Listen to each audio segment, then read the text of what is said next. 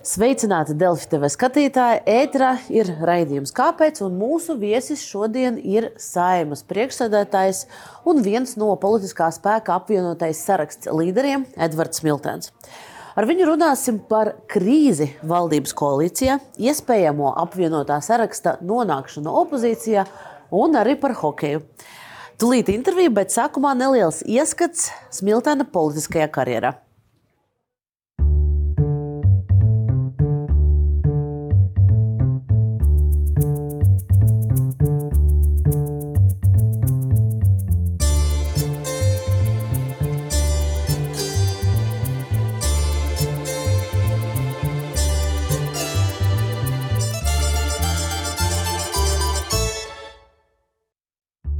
Edvards Smiltens par saimas priekšsēdētāju kļuva pērn novembrī 38 gadu vecumā. Smiltens ieguvis jurista izglītību, bet jau agri pievērsies politikai. 2008. gadā viņš bija viens no politiskās partijas sabiedrība citai politikai dibinātājiem. 25 gadu vecumā viņš kandidēja Saulkrastu novada domas vēlēšanās, bet netika ievēlēts. Vēl pēc gada, kad sabiedrība citai politikai kopā ar jauno laiku un Pilsonisko savienību apvienojās vienotībā, Smiltens no tās saraksta iekļuva desmitajā saimā. Kā vienotības kandidāts ievēlēts par deputātu arī 11. saimas ārkārtas vēlēšanās, bet 12. saimā viņš iekļuva ar tā saucamo mīksto mandātu, kad par premjera kļuva Laimdota Straujuma. Ap 16. Gadu vienotību plosīja iekšējas nesaskaņas. Smiltens tobrīd bija kļuvis par vienu no partijas sejām un divus gadus pēc kārtas pretendēja uz partijas vienotību vadītāju vietu. 17. gada vasarā Smiltens vienotību pameta. Argumentācija - partija nepiekrita viņa prasībai atsaukt Solvita Aboltiņu no saimas frakcijas vadības. Mēnesi pēc aiziešanas no vienotības Smiltens izveidoja organizāciju Sabiedrība par labām pārmaiņām. Tā kļuva par Latvijas reģionu apvienības sadarbības partneri, un 13. saimnes vēlēšanas Smiltens startēja kā šī politiskā spēka premjera amata kandidāts, bet Latvijas reģiona apvienība neparvarēja 5% barjeru. Tā neguva vēlētāju atbalstu arī Eiropas parlamenta vēlēšanas 19. gadā. 20. gadā Rīgas domas ārkārtas vēlēšanas Smiltens startēja no Latvijas reģiona apvienības un Nacionālas apvienības kopīga saraksta. Tika ievēlēts pašvaldībā un kļuva par vienu no trim Rīgas mēra vietniekiem. Pērn jūlijā Smiltens piedalījies apvienotā saraksta dibināšanā. Rudenī 14. saimnes vēlēšanās Smiltens no šī saraksta startēja ar pirmo numuru Vidzemes apgabalā, atgriezās saimnes deputāta krēslā un tika ievēlēts par tās priekšsēdētāju. Smiltēna kungs, laipni aicināts Delfita vētrā. Sveicināti. Mēs nonāksim līdz sarunām par politiku, koalīcijas paplašināšanās diskusijām un, un visiem tiem procesiem, bet uh, sāksim ar hokeju un ar jūsu lomu tajā.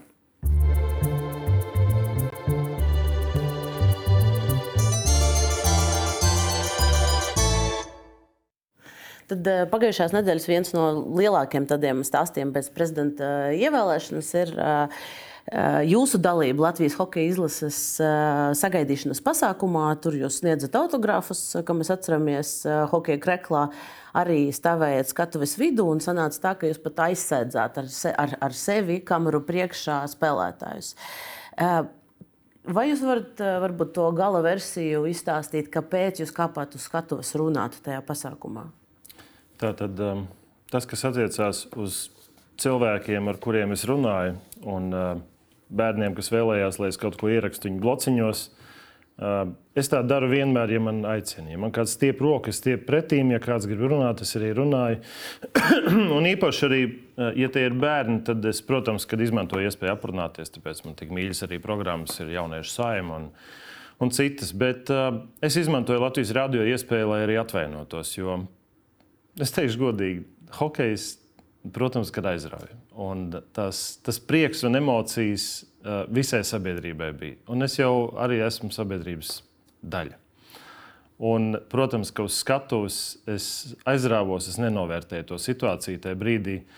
Uh, mani aicināja teikt vārdus, pie tam tas bija pēdējā brīdī. Man pat nebija runas, tas bija to, ko es teicu. Tas vienkārši tajā brīdī nāca no sirds. Un, uh, un es norunājot savu runu, es nepakāpos sāniski, es pakāpos atpakaļ. Tur es skatos arī paliku. Un, uh, un jā, es, uh, Es biju pelnījis to, kas pēc tam sekoja. Mēs bijām aicināti divi runātāji, Mārtiņš Stāčs un, un es. Mārtiņš Stāčs pārstāvot Rīgu un, un es pārstāvot Latvijas Republikas saimu. Um, nu, es pieļauju kļūdu. Bet par to pašu kāpšanu uz skatuves un runāšanu jums, uh, jūs arī tagad sakat mazliet citādāk nekā jūs vakar teicāt, uh, nevis vakar, bet otrdien vai pirmdien teicāt Latvijas rādio.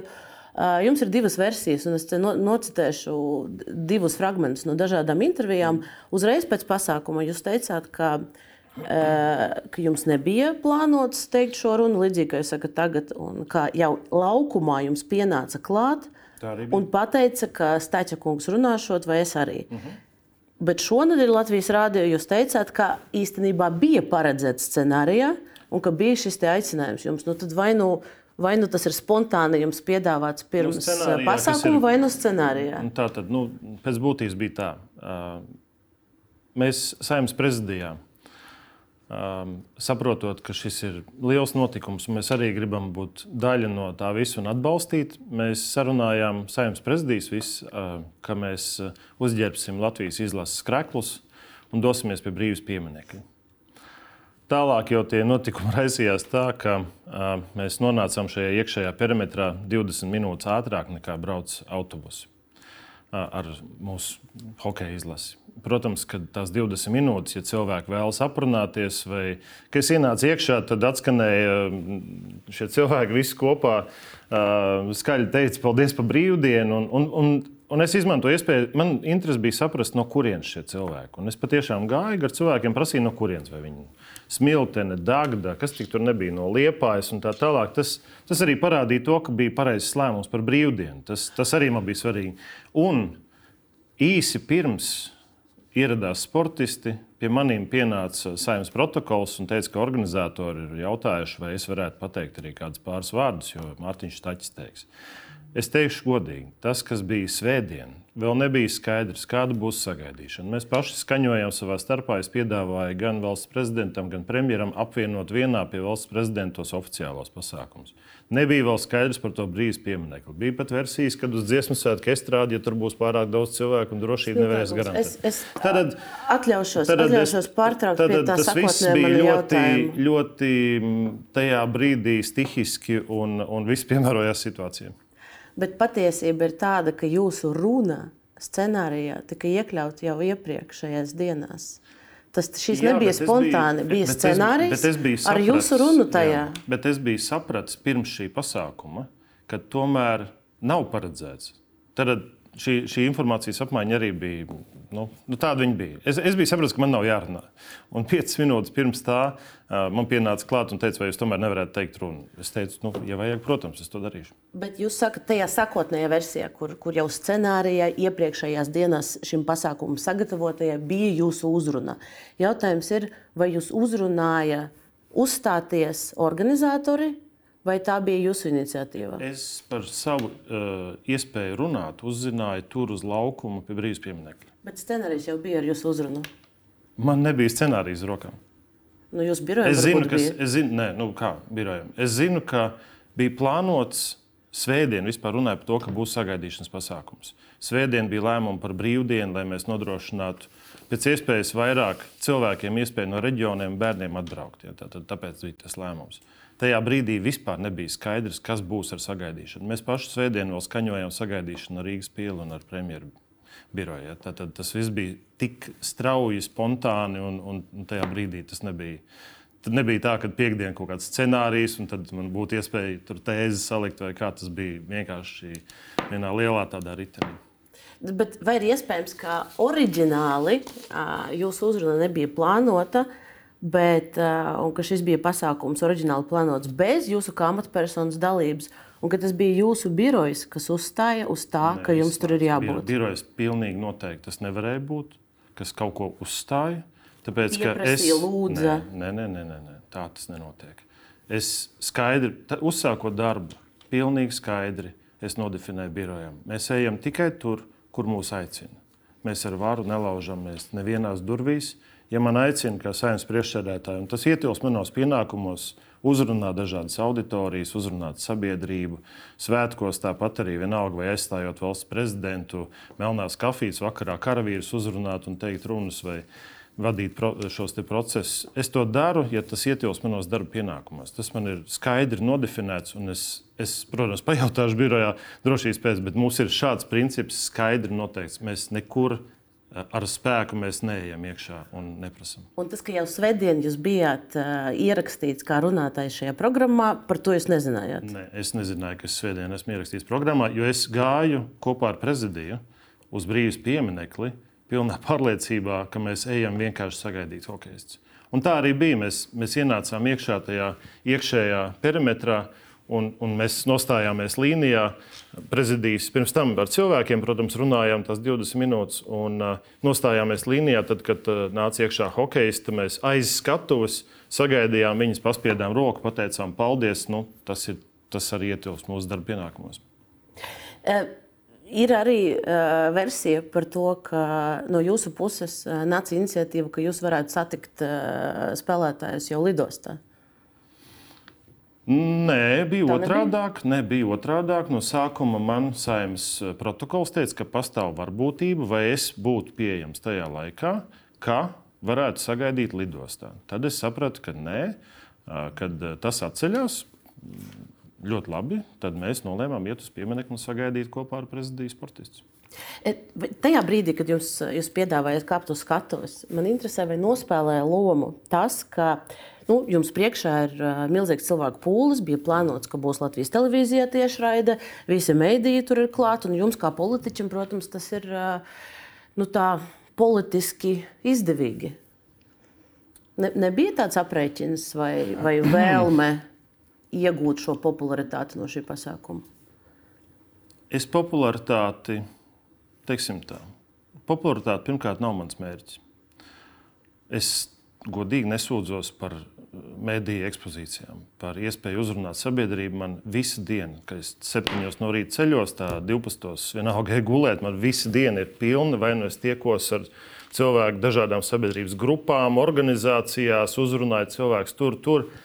Mans mērķis ir izdarīt savu darbu pēc iespējas kvalitatīvi, lai es savu valsti pārstāvētu godam, jo sevišķi es īpašu uzmanību pievēršu un, un varbūt ļoti, ļoti teiksim, skatos līdzi katrai niansē. Tad, kad es esmu ārvalstīs, es tomēr starptautiski reprezentēju, vai tas ir Ukraiņas radā, sakot runu un, un, un, un tā tālāk.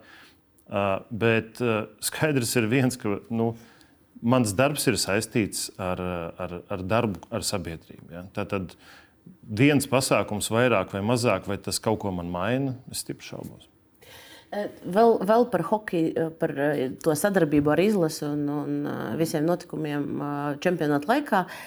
Viena epizode ap hokeja čempionātu, par kuru es nu, arī gribēju pajautāt, 16. maijā, dienā starp divām ļoti atbildīgām spēlēm. Izlasēji uzvarēta Čehija, tad ir, pārtra, tad ir viena brīva diena spēlētājiem. Un tad ir nākamajā dienā spēle ar, um, ar Norvēģiju. Jūs aicinājāt uh, izlasi uz saimu. Manuprāt, tas bija pēc divām zaudētajām spēlēm. Jebkurā gadījumā, jā, es atvainojos hokeja faniem, bet, loģika bet bija, loģika bija, loģika bija tāda. Uh, mūsu hokeisti parasti hokeists aicina kad? Tad, kad viņi ir uzvarējuši medaļas un tā tālāk, un tad aicina hokeists. Mums bija tieši pretēji doma tajā brīdī, kad viņu morāli varbūt ir nedaudz iedragāta, kad viņiem šīs pirmās spēles, viņi tiešām mēģināja šo tempu uzķert un, un, un, un, un dabūt to savu, savu drive. Mēs domājām, ka tajā brīdī, kad ir šis kritums iekšējs, tad mēs viņus aicinām, pagodinām, mēs viņiem dodam kaut kādus spēku vārdus. Tur mums bija simboliski tāds rupmaizes klaips un, un medus. Un šādā veidā mēģinām tieši otrādi viņus uzcelt un iedrošināt. Ja? Tad arī no saimnes puses simboliski to darot. Um. Bet tas aicinājums nāca pēc būtības, ņemot vērā to viņu grafiku pēdējā brīdī. Un tas rezultējās ar to, ka nācās pārplānot izlases grafiku laikā, kad uh, nu, ir viena šī brīvā diena un ir jāatpūšas sportistiem. Tas ir ļoti nozīmīgi. Bet tā vietā, lai ievērotu to savu režīmu, Viņi eh, visi vilkās uz saimu, ko uzvalkos. Nav, cienītā. Tas nav likums nevienam nākt uz saimnu. Jebkurš var atteikt un pateikt, ka nē, mums ir grafiks. Nē, tas, nē, tas tā nav. Saimnes, saimnes preses dienas, saimnes protokols saziņā ar, ar komandu bija, un, un godīgi sakot, šī iniciatīva arī nāca no Saimnes sabiedrisko attiecību dienesta, ka varbūt šādu soli vajadzētu spērt un uzmundrināt mūsu komandu. Un viņi jebkurā brīdī var pateikt, ka nē, piedodiet, tas tāpat kā viņi nelēda ģērbtuvēs neviens. Tas ir viņu lēmums, viņi tā vēlas un viss tiek respektēts. Es saprotu, ka šobrīd mēģina atrast jebkādas nianses un, un paturpināt to, to stāstu, bet es tikai vēlos pateikt vienu, ka viss, ko ir darījusi saima, un es nerunāju par sevi, es par visiem saimnes deputātiem, ir bijis, lai atbalstītu mūsu komandu, lai viņus uzmundrinātu īstajā brīdī, lai palīdzētu pēc iespējas labāk pateikt viņiem paldies un pie reizes izmantot to brīnumu, ko Latvijas hokeja izlase paveica, radīt šo nācijas pašapziņas momentu, kāds nav bijis kopš barikādēm. Tas bija tas galvenais motīvs visā šajā posmā, ko darīja Latvijas Republikas saimta. Vai tas ir sporta apakškomisijas vadītājs, vai kaut vai Raimons Bergmans, kā pats kā sportists, kas, kas arī intensīvi domāja līdzi, kā lietas izdarīt labāk, ja? vai, vai visi citi, kas bija iesaistīti. Arī lēmums par brīvdienu, faktiski visu frakciju lēmums, kopīgs, kolektīvs lēmums, kur izdiskutējām, protams, tas laiks bija ļoti saspiests.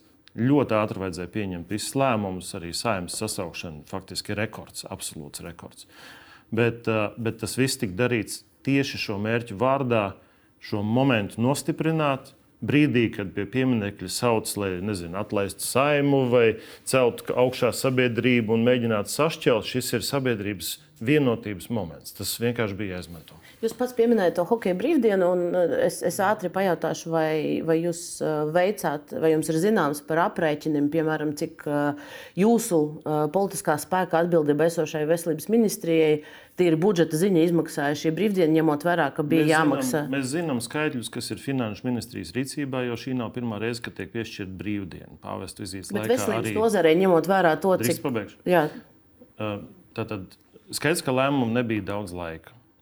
Bet tas, ko es momentāli izdarīju, es apzvanīju darbdevēja organizācija, Latvijas Tirdzniecības Rūpniecības kamera. Absolūti pretrunīgi arī tie viedokļi bija. Tur dalījās 50 pret 50 visur. Tad lēmumu pieņemt bija ļoti sarežģīti. 4. maija kluba vadītāja vēl Čebutrēnoka. Ja? Arī, arī šādus viedokļus uh, paņemt. Un, uh, un, ta, un tas viss bija skaņots ar pilnīgi visiem frakciju vadītājiem, ar valsts prezidentu, ar ministru prezidentu vēl spēles laikā es biju saziņā. Man interesē trīs lietas. Pirmkārt, šīs te, nevis kompensācijas, bet prēmijas, jo tas apjoms bija vienkārši nožēlojams, smieklīgs, kas sanāk komandai. Man interesēja, lai nebūtu tiešām nu, banāli, ka mēs valsts prezidents, saima un ministrs kabinets eh, šo komandu aicina katru uz, uz savu pasākumu atsevišķi, ka to visu vajag centralizēt. Mēs vienojāmies, piedāvājot to visu centralizēt Rīgas pilī pie valsts prezidenta. Un trešais jautājums, kas bija uz galda, tas bija par brīvdienu. Vai darām vispār? Un to es visiem, arī kolēģiem, uzdevu jautājumu. Kā, kāds ir jūsu viedoklis? Darām vai nedarām? Un, ja darām, vai vispār to ir tehniski iespējams izdarīt šajā svētdienā? Cik jūsu deputāti var atbraukt, ja mēs darām vispār? Bet mans jautājums bija par, to, par tiem aprēķiniem. Tātad par aprēķiniem. Pāvesta brīvdiena izmaksāja 8 miljonus. Tas ir tas aprēķins, ko toreiz oficiāli sarēķināja, ka tā ir tā cena. Un, piemēram, Nu, jūs varat uzaicināt uz interviju, protams, Veltčiju, bet Rēnoku mēs ar viņu runājām. Jautājums, vai viņa... jūs runājāt arī ar Mendelsons kundzi pirms šo izsludināt un jautājāt es viņai, runāju... vai viņa ir gatava šiem izdevumiem, ņemot vērā es... to, ka katrs cents veselības ministrijai šobrīd ir ļoti, ļoti nozīmīgs? Es runāju pēc tam, lai amortizētu jau šo saimnes lēmumu, ja bija skaidrs, frakciju pārstāvji arī intensīvi rakstīja vai zvanīja un teica, ka šis, šis moments ir jāizmanto, brīvdienai ir jābūt un tā tālāk. Tātad skaidrs bija, ka tas ir nepieciešams. Tagad ir pierādījies, ka tas bija pareizi. Tas bija milzīgs politisks risks. Protams, arī aprēķini par izmaksām veselības ministrijai joprojām nav. Un tajā brīdī arī tik, cik varēja, pašvaldības savienība vēl 12. naktī runājām. Un, un citi, visi tika ieslēgti, lai maksimāli amortizētu šo lēmumu, lai šī lēmuma ietekme uz sistēmu būtu pēc iespējas mazāka. Labi, es, es, es, es, mēs varam noslēgt, es gribētu noslēgt to epizodi, vienkārši nofiksēt, kad atbild uz savu sakotnēju jautājumu. Es no jums tā ir nesagaidīju.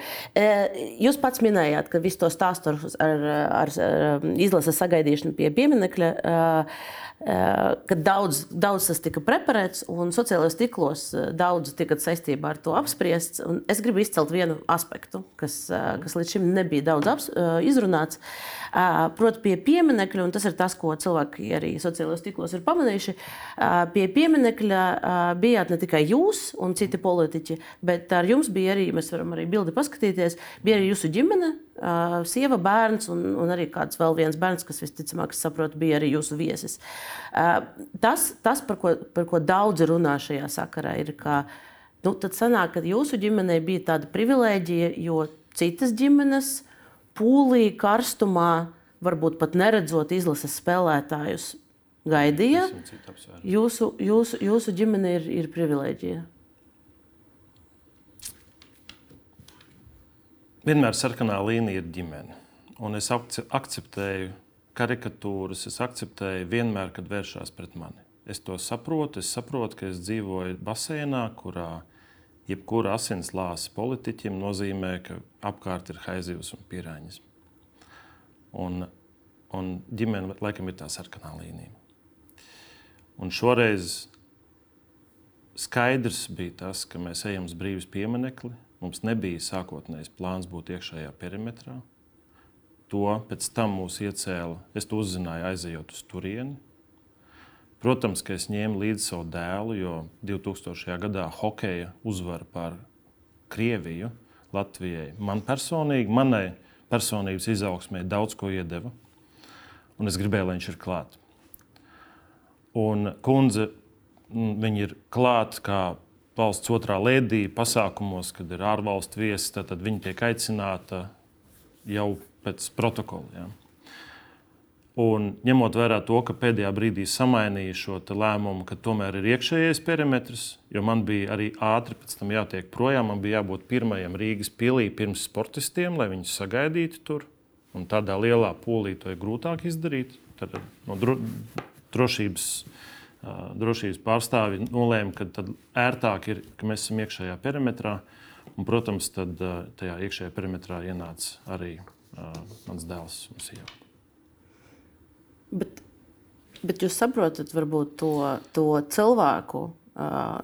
Šis jautājums nenāk tikai no manis. Šis jautājums ir no daudziem cilvēkiem, kuri redz, ka viņi uh, neko nav sliktāki Un viņu, viņu, viņu ģimenes neko nav sliktāk, bet, bet viņiem nebija šīs, šīs iespējas. Un arī citu deputātu ģimenes, nu, jūs bijat vienīgais, es tā saprotu, tur, tur pārējie bija, bija spēlētāju bērni un sievas un tā tālāk. Mēs mājās pārunājām ar sievu šo stāstu. Un, protams, ka ir šī duālā situācija, kur manai sievai ir jāpilda arī bieži vien pienākumi, kas izriet no manas darba. Un, protams, ka šī situācija varēja tikt vērtēta duāli. Un, uh, es pieņemu, ka varēja darīt citādāk. Bet tajā brīdī tie visi notikumi attīstījās vienkārši stihiski. Ja. Um, cilvēku pūlis pie brīvības pieminiekļa mums atnākot jau bija ļoti liels cilvēku daudzums. Ja. Uh, tajā brīdī tu vienkārši seko saimnes protokolam, kuri, kuri zina, kurā vietā būs, būs jāiet. Uh, apmēram ir zināms, kas ir jādara un tā tālāk. Un, uh, jā, iespējams, tā ir otra kļūda, ka viņiem vajadzēja palikt ārpusē. Jā. Bet, um, Eh, paldies par atbildi. Eh, es, eh, mēs, es gribētu pāriet jau pie politikas un politiskiem jautājumiem, bet iesākt to politikas tematu es gribētu ar vienu epizodi, kas, kas saistās ar pēdējo, nu, ar, ar to periodu, kad jūs noslēdzat savu darbu Rīgas domē, kā mēra vietnieks. Un tad pēdējā sēdē, kad uh, jūs jau atvadieties no, no deputātiem, tad uh, viens, viens tāds neliels fragments, minūtīte video, un tad, tad mēs varēsim īsi parunāt, un tad jau runāt par, par lielo politiku un koalīcijas veidošanu. Līdz ar to paldies viņiem par paveikto, un paldies jums. Mūsu ceļi krustosies jau pavisam drīz, un mēs izdarīsim lielas lietas kopā. Paldies! Es Gan tikai, bet jums arī jāpiesakās ar debatēm. Jā, man ir tikai viens teikums. Man ir tas gods um, dot šīs skaistās puķes frakcijas vārdā un pateikties no frakcijas arī vārdā par mūsu lieliem un maziem soļiem kopā Smiltēna kungam.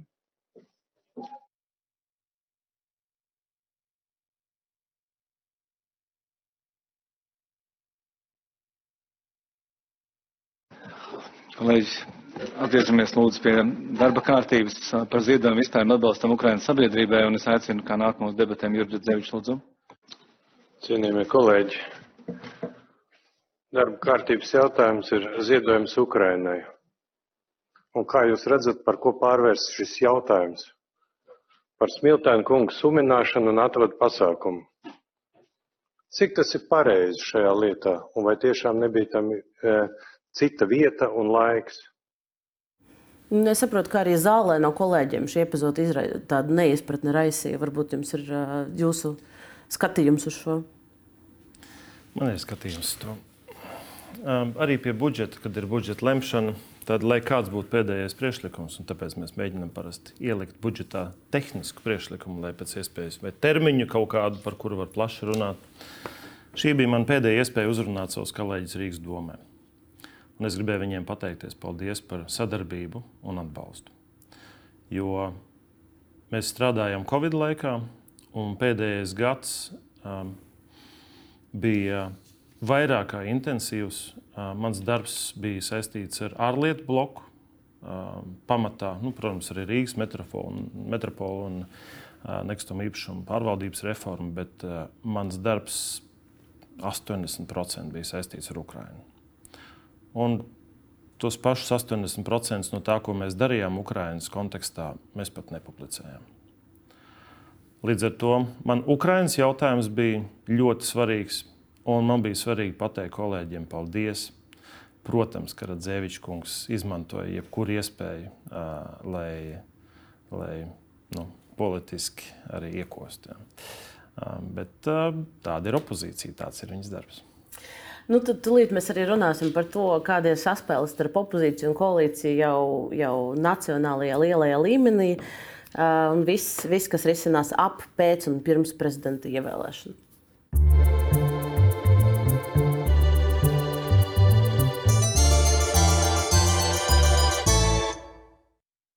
Un es gribēju sākt eh, ar to, ko aizvakar raidījumā sprieda ar Delfi, pieminēja Zaļo un Zemnieku savienības eh, frakcijas eh, vadītāja vietnieks, ja nemaldos, Krauzes kungs. Varam noskatīties to fragment.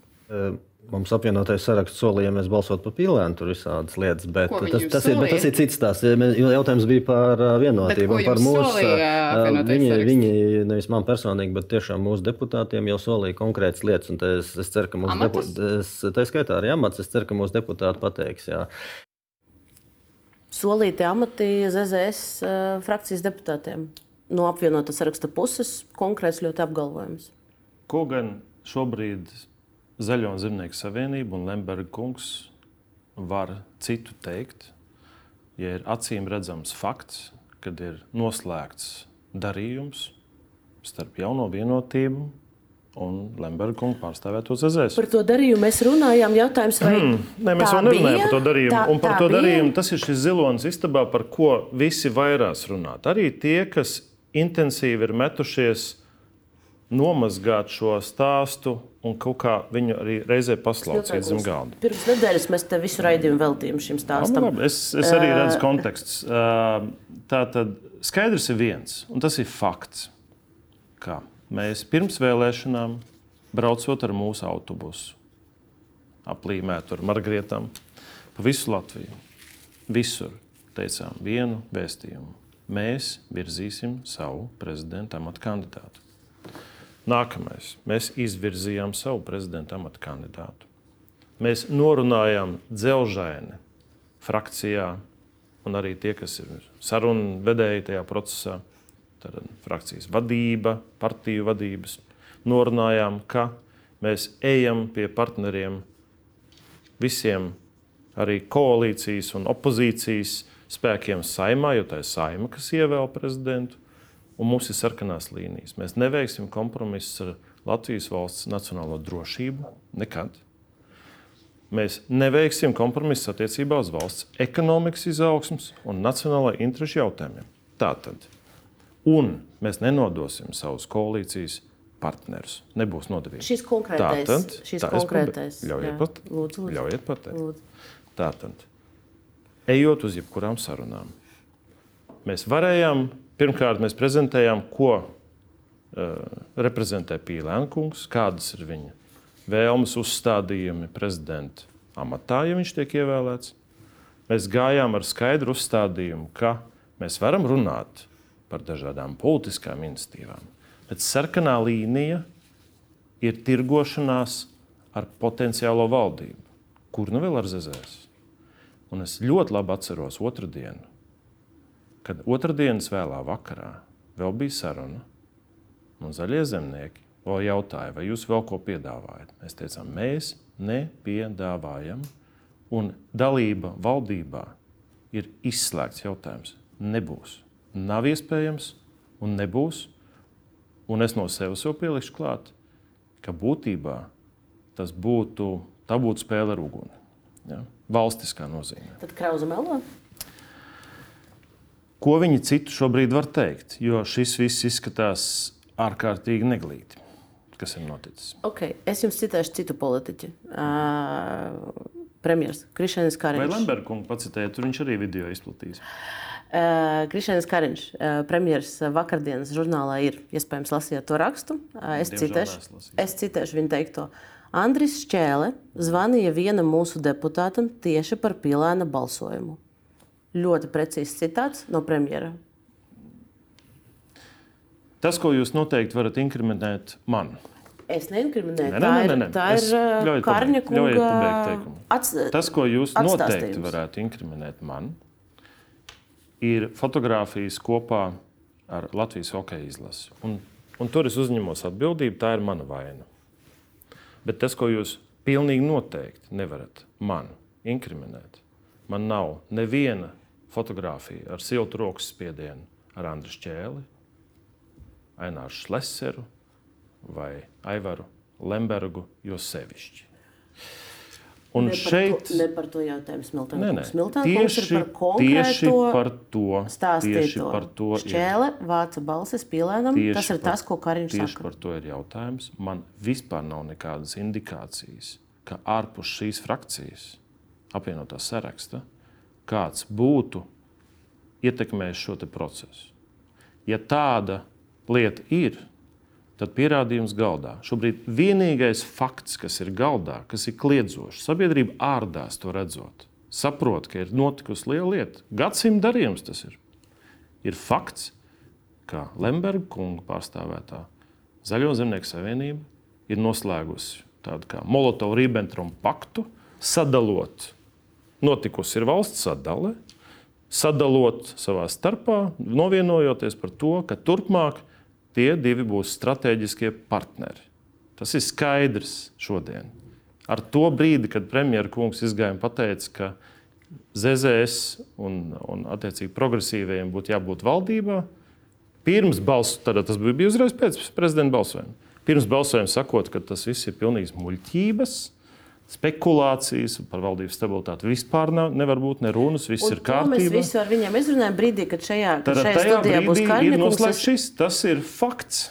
Tas ir eh, noticis fakts, tas ir atspoguļots balsojumā. Man ir ļoti liels prieks un gandarījums par to, ka es piecus gadus atpakaļ iesniedzu satversmes grozījumus, ar kuru mēs atklājam prezidenta vēlēšanas.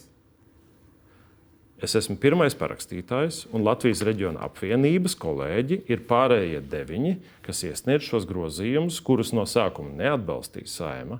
Tad mēs viņus dabūjām dienas kārtībā. Un divas dienas pirms saimnes vēlēšanām, pirms 13. saimnes vēlēšanām, mēs tomēr panācām viņu pieņemšanu. Tā arī bija.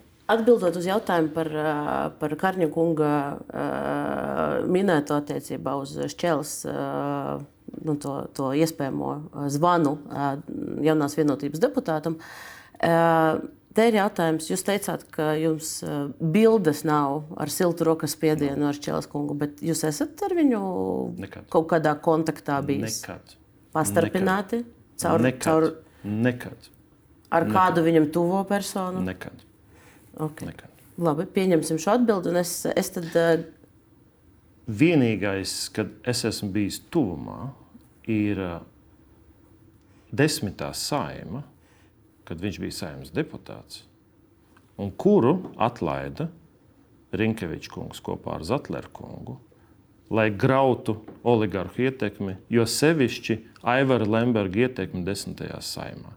Tad viņš bija viens no simts saimas deputātiem. Tas ir tuvākais moments, kurā tuvākā distance tad vienā zālē atrasties ar Šķēlskungu. Bet starp jūsu kandidātu uh, Uldi Pilēnu un Šķēli gan jau daudz tuvāka distance, un tāpēc, tāpēc jau šīs bažas izskan, ka šī desmit gadu ilgusī kopīgā pagātne tautas partijā nu, izraisa visas šīs aizdomas par to, bet ka stāv šis cilvēks aiz, kundze, aiz, jūsu, citādāk, aiz jūsu politiskā spēka. Kā citādāk, lai sabiedrībai mēģina aizmālēt faktu, kā ar šādiem izdomātiem argumentiem, mēģinot aizbāzt ciet to milzīgo krāteri, kas ir izveidojies un sašutums sabiedrībā. Kā var citādāk aizbāzt, ka ne ar šādiem argumentiem? Faktu, kad ir noslēgts šāds pakts starp Lemberga kungu ZZS un Jaunu vienotību. Es sanāk... to visu ļoti labi saprotu. Un šie jautājumi, noteikti tādas spekulācijas un jautājumi, viņi šobrīd birst no pārpilnības raga. Nu, te... Bet tas krāteris ir tik milzīgs, ka viņu aiztaisīt ciet nav iespējams. Viņš ir acīm redzams gan nacionālā līmenī, un piedodiet, arī starptautiski. Tas ir redzams, šis krāteris, kas ir izveidojies prezidenta vēlēšanās un pēc tam. Bet te, te ir. Uh apgalvojumi. Šie nav pieļāvumi no tiem diviem politiķiem, kurus es nocitēju. Jautājums, ja tie, ja tie ir meli, Faktus tad jūs, jūs kaut kādā veidā versīsieties tiesā vai. vai nu, kādā tiesā? Nu, šobrīd šobrīd visi, visi mēģina izmisīgi nomaskēt šo milzu darījumu un mēģina mest ārā publiski daudz dažādas spekulācijas un apgalvojumus. Faktus galdā. Man ir uz rokām balsojums, par prezidentu. Viņš ir atklāts, paldies Dievam šoreiz. Redzams, viss ir. Un ir fakts, ka uzreiz sākās norēķins, rēķins, acīm redzot, piestādīts, norēķins jau uh, ar tankiem, kā savulaik 11. gadā ar tankiem tiek vilkts iekšā Lemberga kungs un Zezēs valdībā. Bet... Tieši tāpat kā toreiz teica, ar tankiem ievilks iekšā saskaņa. 11. gads, 2011. Atcerieties, bija tāda epizode. Bet, protams, ka atceros. Bet, Smilkans, Tas ir fenomenāls jūs, moments Latvijas jūs kā, politikā. Jūs kā politiķi, politikas tāds ļoti pieredzējis spēlētājs, jūs jau lieliski saprotat, ka brīdī, ja schēma izdodas un beigās ir rezultāts, tad tiešām, kā jūs sakat, ir fakti. Bet, ja schēmošana vai, vai kā Rinkevičs kungs eh, tā diplomatiski nodēvēja to par partiju konsultācijām, ja tā neizdodas, tad to pierādījumu arī nekad nebūs. Redziet, rezultāts būtu sanācis, būtu pierādījumi. Ne, rezultāts uz tablo balsojums ir tāds, kas pierāda absolūti, ka apvienotais saraksts, un te es gribu arī pateikt, ka es no sirds lepojos ar saviem kolēģiem Es saprotu, ko tas maksā emocionāli. Zaudēt vēlēšanas. Bet apzināti zaudēt vēlēšanas, saprotot, ka mēs neveiksim kompromisus uz nacionālās drošības, mūsu nacionālo interesu un Latvijas nākotnes kontekstā. Mēs neveiksim kompromisus, mēs nostājām par šo. Korekti, skaidri, atklāti, un mēs tiešām lepojamies, ka mēs to izdarījām. Jo mēs esam palikuši tīri, bez parādiem kādam. Mums nav tiesas izpildītāja, kas stāv pie durvīm, nav līguma ar sātanu, kā Tavara kungs teica. Mēs esam brīvi no saistībām. Mēs varam turēt savus principus un vērtības. Mums nav nevienam šobrīd jātaisnojas, un arī jāgudro kaut kādi falši argumenti, mēģinot vēl kaut kādus dubļus uzgāzt mūsu kolēģiem un, un, un tā tālāk. Tomēr... Mēs skaidri, precīzi nominējām Gājām, pārliecinājām, pateicām, nebūs diskusijas par valdību, nebūs un punkts, lai cik visi to gribēja. Otrā pusē jūs paši redzat rezultātu uz tablo. Un tas rezultāts ir šobrīd vienkārši absurda teātris, kurā mēs bijām, kas notiek Latvijā raidījumā. To, to, to, to kontekstu vienkārši tas bija absolūts absurds, kur sēž trīs koalīcijas partneri, kuriem ir līgums, kur ir paraksti. Ja? Un turpat notiek kaut kādas jaunas valdības deklarācijas veidošana tieši ētrā. Tā ir nav pirmā, tā nav, absurds. nav pirmā reize, nav pirmā nu, reize, kad šāda situācija ir izveidojusies ar visiem teikt, koalīcijas tas līgumiem. Labi, ka tas notiek atklāti un sabiedrības priekšā. Latvijas sabiedrībai šī varonība jāredz. Es jums tomēr pacitēšu vēl, vēl Droši. jaunās vienotības līderi. Es arī citātus sameklēju. Žurnālā, žurnālā ir, viņš arī apgalvo, ka par koalīcijas paplašināšanas ieceri var, un te ir citāts, var pateikties apvienotajam sarakstam, jo viņi bija pirmie, kas gāja pie ZZS un progresīviem, meklējot atbalstu savam kandidātam un runājuši arī par jaunu koalīciju. Lūk, šis ir citāts no Karaņa, pakāpjoties pie, pie šī politiskā tirgus pirms vēlēšanām. Arī šo jūs noliedzat? Tas, ko mēs darījām, gājām pie pilnīgi visām frakcijām.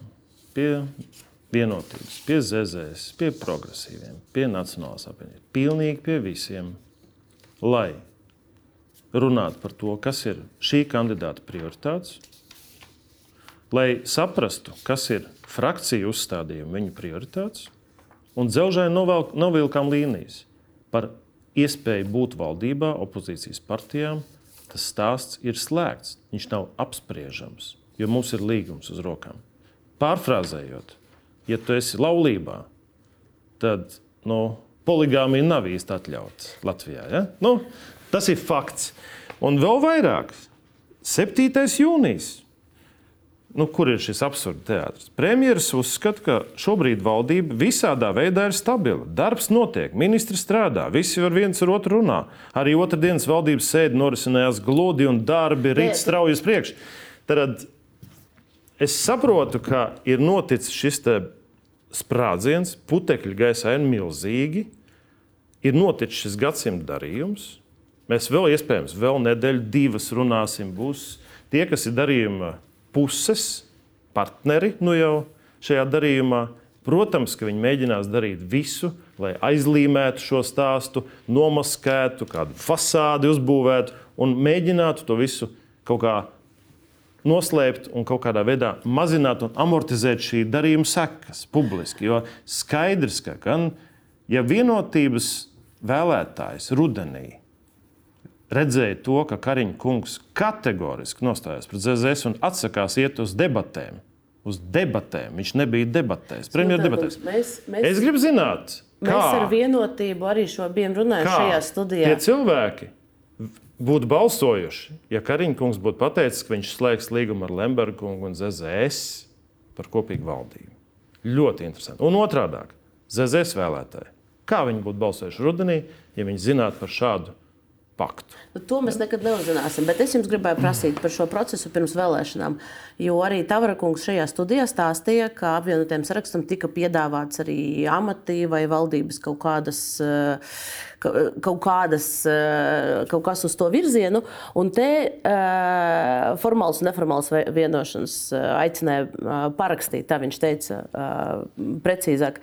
Tad Vai uh, mēs redzējām, jo mēs jau redzējām, iepriekšējā koalīcijā, iepriekšējā valdībā, mēs redzējām, kā pa VLV sašķelšanos un kā uz atsevišķa līguma atsevišķi deputāti tika piesaistīti koalīcijai. Te ir jautājums, vai jūs saskatījāt, ka šīs bija mēģinājums, nu, kontekstā ar to tavarata teikto, ka, ka tas bija tas mēģinājums attiecībā uz apvienoto sarakstu? Vai piedāvājums varbūt pat tā es teikšu, ir noteikts? Es teikšu vairāk. Kāpēc mēs kā valsts pēdējos gados stipri atpaliekam no saviem kaimiņiem? Tāpēc, ka politikā partijas un partiju līderi, politiskie līderi, nedomā kategorijās, kā stiprināt savus spēkus, kā parādīt rezultātus, kā sadarboties ar citiem partneriem kā celt kopējo veikumu. Bet galvenais uzstādījums, kādā veidā sašķelt oponentu, lai izskatītos pēc mazākā ļaunuma vēlēšanās. Tā ir lielākā Latvijas politikas saprotu. problēma. Es pareizi saprotu, ka, tā, ka, ka viss vis, vis jūsu un, ievads ir atbilde jā uz manu jautājumu. Un atbilde ir ļoti vienkārša. Pagājušajā saimā unikālā, fantastiskā veidā šī oponentu sašķelšana izdevās un uz tā rēķina bija ļoti vērienīgs dividends. Šoreiz tā nenotiks Jo apvienotais saraksts ir pavisam kaut kas cits, kas ne tuvu nav salīdzināms ar KPV, JKP un, un kaut ko tamlīdzīgu. Bet man sākotnējais jautājums bija par, par to, vai tas ir tas, kas jums tika formāli vai neformāli piedāvāts. Man, vai daļai no jūsu uh, spēka? Man ir bijuši dažādi piedāvājumi. No sākuma es atteicu diplomātiski, pēdējās reizēs es atļāvos būt pat rupjāks. Bet kādi piedāvājumi? Dažādi. Sašķelt, uh, sašķelt apvienoto sarakstu, teiksim tā. Un, nu, visu var atļauties politikā. Bet nu, tas pārkāpj visas sarkanās līnijas. Priekš maniem. Es teikšu tā, nu, tajā brīdī tad tie ir arī brīži, kad uzvarās asins mazliet. Ja? Bet tas bija piedāvājums jums atvienoties no pārējiem vai no jums nozagt citus? Kā, gan man, gan citiem. Tad, tad Sausais atlikums ir tāds. Un ko jums solīja? Es pieņemu, ka saglabāt jūsu amatu. Visi piedāvājumi ir atteikti. Es nekad nenodošu savu komandu, it sevišķi, ja es esmu viņas vadībā. Un es zinu, ka komanda nenodos citus komandas biedrus. Ko jums solīja? Un tas ir absurds situācijā, kad mums ir NATO samits, mums ir, mums ir dramatiska situācija apkārt. Un šobrīd sašūpots, šķelt, graut, uh, valdību, valdības darbu, paralizēt valdības darbu, tas ir absolūti bezatbildīgi. Ko līdz jums, to, ko jums solīs? Līdz ar to es neiešu detaļās, bet es varu pateikt vienu. Ir fundamentāla kļūda aprēķinos un pieņēmumos, ka mēs esam pērkami vai kaut kādā veidā šantažējami, vai uz mūsu var uz kaut ko piespiest. Tad jums ja, personīgi... nebūs. Un uh, fakts ir tāds, ir noticis gadsimta darījums, ir 52 balsu draudzība izveidojusies, es maigi teikšu. Ir esošā koalīcijā līguma 54 balsīm. Un, ja ir bijis mērķis 52 balsu koalīcija, lai legalizētu Lemberga kungu dalību un, un viņa teiksim, pārstāvju, būšu korekts, viņa pārstāvju dalību valdībā, lai to legalizētu, to atšķēdīt ar vēl kādām balsīm no vienas vai otras partijas, tas nenotiks. Tad izvēle ir skaidra. Vai nu ir 52 balsu draudzība, vai nu paliek 54 balsu koalīcija. Punkts. Nav diskusija vairāk. Uz, uz šīs, šīs nots mums ir jāatvadās no RTV skatītājiem, kur mūsu ēteris ir ierobežots. 48 minūtes ir mums RTV ēterā. Bet, kā es parasti arī aicinu, arī RTV skatītājus, kuriem ir interesanti noklausīties šīs sarunas Šis sarunas turpinājumu jūs esat laipni lūgti Delfi TV arhīvā, bet paldies RTV skatītājiem par jūsu uzmanību, un mēs paliekam te tikai Delfi TV studijā. Jūs arī šajā sarunā bieži sakat, ka jūs esat principiāls politiķis, jūs sakat, ka jūsu spēks ir politiskais ļoti principiāls. Tad kāpēc? Un, un, un ka jūs esat vērsti uz tādu atklātību un, un caurspīdīgu politiku. Bet tad kāpēc brīdī, kad es jums uzdodu jautājumu par to, kas tad jums tika piedāvāts un kurš ko piedāvāja, jūs sakat, nē, mēs par to nerunāsim? Nu, Tie, kas piedāvāja, man ar šiem cilvēkiem ir ļoti labas attiecības vēl no tā laika, kad mēs kopā dibinājām vienotību. Un tāpēc es būšu korekts un neatklāšu, kas tie bija un, un kā un, un ko. ko. Jā, kāpēc? Kāpēc es neteiktu? Bet vienu es varu skaidri pateikt, ka visiem bija skaidrs nē. Tieši tāpat, kā bija skaidrs nē izmisīgajai ZZS vēlmei mainīt šīs balsis pret līdzdalību valdībā. Nē, un tas ir pretvalstiski, manuprāt. Tad jums personīgi nav svarīgi saglabāt uh, saimnes priekšsēdētāja pozīciju? Es esmu politikā 15 gadus. Arī pirms pieciem gadiem, principu un vērtību vārdā, es biju gatavs zaudēt pilnīgi visu, ko es biju desmit gados sasniedzis. Mani jau pasludināja par politisku līķi, politologi, žurnālisti. Es tiku iemīts zemē, bet es zinu, ka, ja es stāvēšu taisni un turēšos pie zināmiem principiem, un ja man politika ir tiešām mīļa lieta, ko es daru, un es to daru no visas sirds, tad, ja es stāvēšu taisni, vienalga, vai man izmetīs no kāda amata, vai pat no saimas, vai, vai jebkādā veidā, tik un tā man būs iespēja saglabāt to cilvēku uzticību, kas ir par mani balsojuši. Un tas ir mans princips. Tad, tajā brīdī, kad tu iesēdies, it sevišķi jo augstākā amatā tu iesēdies, jo tu jau dzirdi motorzāģu skaņas. Jau pāris brigādes jau sāk zāģēt tavas krēsla kājas tieši tajā sekundē, kad tu esi iesēdies. Tas ir normāli, ar to es rēķinos. Un, ja ir jāizdara kompromisi ar principiem, tad es drīzāk nostāšos principu, pašu principu pusē. Un jūs esat gatavi opozīcijā strādāt? Sēdēt, strādāt, Jā. gaidīt. Ziniet, kā ir? Es atceros, kā Esat, es ienācu, es atceros, kā es ienācu politikā. Es ienācu politikā ar Lietuvas sargu revolūciju 13. janvāri. Saimas atlaišanas kontekstu, kad atlaida saimu, un tas viss bija tāpēc, ka vienotība tika dibināta savulaik lai sagrautu oligarhus un lai stingri turētu Eiroatlantisko kursu. Divi vaļi, uz kā turējās toreiz šī organizācija. Un es neizdarīšu nevienu kompromisu, sagraujot šīs divas lietas. Tātad, ja vajadzēs, arī tajā skaitā, ja būs jāupurē amats, es darīšu kaut ko citu. Tā nav problēma manā gadījumā.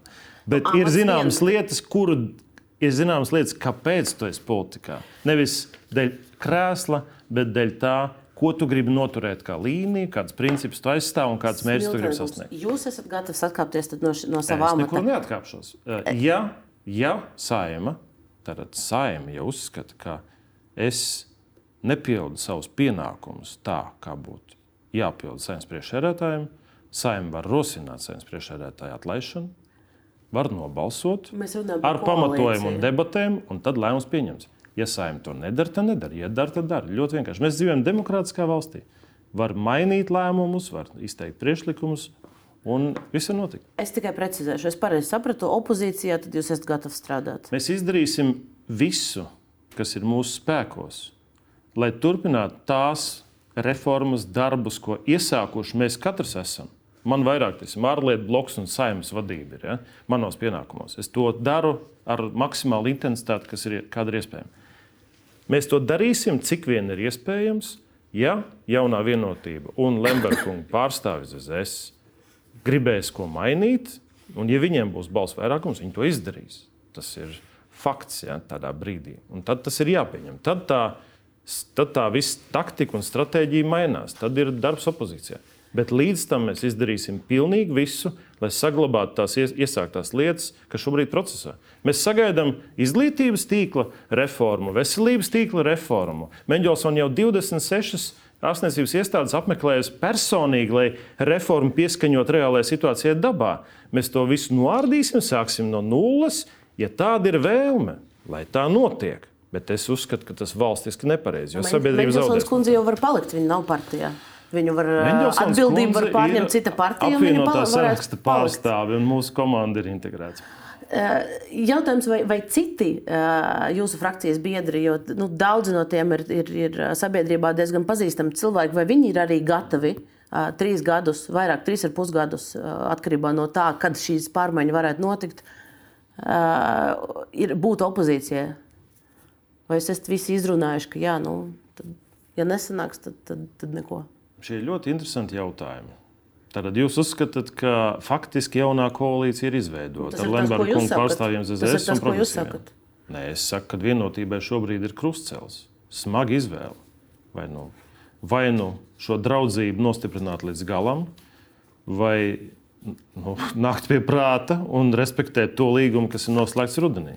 Jo es uzskatu, ka tas radīs absolūtu valsts sabrenzēšanos, tas apdraud. Tad tā faktiski spēle ar uguni, tā, ja tā pirmā versija apstiprinās, ja to ceļ iet. Un, uh, un zaudētāji būs visa sabiedrība un valsts. Bet, ja tas, tāds lēmums ir, mēs to nevaram ietekmēt. Ja? Tu jūs pieminējat sabremzēšanos. Mēs jebkurā un... gadījumā apvienotais saraksts kā komanda skaidri un gaiši ir nodefinējusi gan partneriem, gan visiem citiem. Mēs dzelzbetonu cieti esam kopā, lai kādā veidā arī mēģinātu uz kurieni mūs uh, vest šis process. Jūs, jūs pats minējāt uh, sabremzēšanos, un te gan apvienotais saraksts, gan jaunā vienotība viens otru pēc būtības vaino tādā, kā jau izskanēja koalīcijas vadiem, mēs nevienu nevainojam. Mēs nevienu nevainojam. Mēs metodiski darām savu darbu. Mums katrā ministrijā, katrs komisijas vadītājs vai, vai, vai, vai tam līdzīgi. Tas... Mēs darām savu darbu pret mums. Mēģinājām argumentus izteikt. Jā, es pabeigšu jautājumu. Eh, es gribēju runāt par konkrētiem, nu, mazliet pie, pie konkrētiem valdības un arī saimnes darbiem, kurus uh, premjerministrs min kā iemesls, kāpēc viņi mēģina pieaicināt citus partnerus koalīcijā. Viens ir, ir uh, darījums ap saimnes balsojumu prezidenta vēlēšanas, cits ir konkrētie valdības darbi. Un es gribu nospēlēt vienu citātu, lūgts arī paskaidrot šos, šīs konkrētas problēmas koalīcijā. Mm. Krišņins Kariņš kolēģiem no rīta panoramas raidījuma lūk sekojošu atbildēja. Varbūt tad jums arī būs, būs skaidrojums savs. Mums tagad ir Latvijas vēja parka. Mums vajag attīstīt vēja jaudas Latvijā. Un, lai to izdarītu, Kēma ministrija ir izstrādājusi, klimata enerģētikas ministrija izstrādājusi noteikumus lai, lai viss varētu iet uz priekšu. Kas bloķē? Zemkopības ministrs bloķē. Bet zemkopības ministrija pēc idejas būtu dziļi ieinteresēta, ka tas viss iet uz priekšu, jo tur ir Latvijas valsts meža kopā ar Latviju energo. Bet tur atkal notiek, un, un tā viņš visu laiku ir. Latvijas vējparki valdības deklarācija ir, rīcības plānā valdības pilnīgi, ir. Jā. Un zemkopības ministrija uzliek uh, nesaskaņošo projektu. Uh, uh caur ministra kabineta grozījumiem. Un, un tad ir pilnīgi, un tad ir pilnīgi pretrunīga situācija par to, kas notiek ēterā un valdības koalīcijā. Valdības koalīcijā aizgājām mēs pirmdien. Bija līdz Kulberkungs, kas ir mūsu eksperts enerģētikā. Viņš ir enerģētikas konferences rīkoja nu pat saimā par enerģētikas stratēģiju. Un mēs atnācām ar konkrētiem priekšlikumiem un norādījām uz būtiskām kļūdām, tā skaitā juridiskām, kur izgājām cauri visam, mēs teicām, ja jūs gribat šo virzīt, vajadzētu izlabot šo, šo, šo un šo. Tad tas ir kļūdas.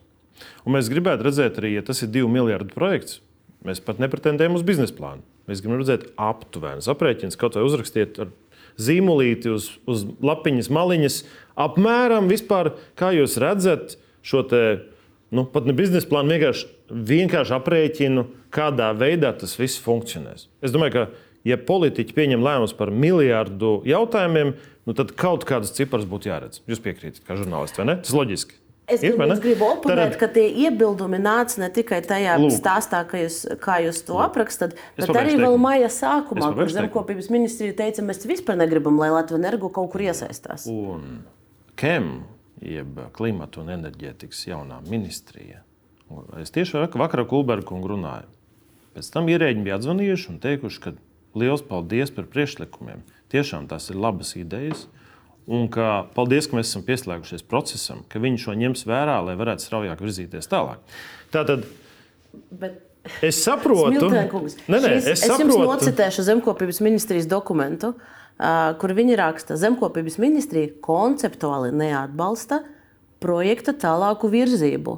Un runa ir par MK grozījumiem. Es skatītājiem paskaidrošu, tie ir, tie ir ministru kabineta noteikumi, kas regulē visu šo procesu, kā tos vēja parkus var būvēt. Pirmdienas, es jums stāstu pirmdienas koalīcijas secinājumus.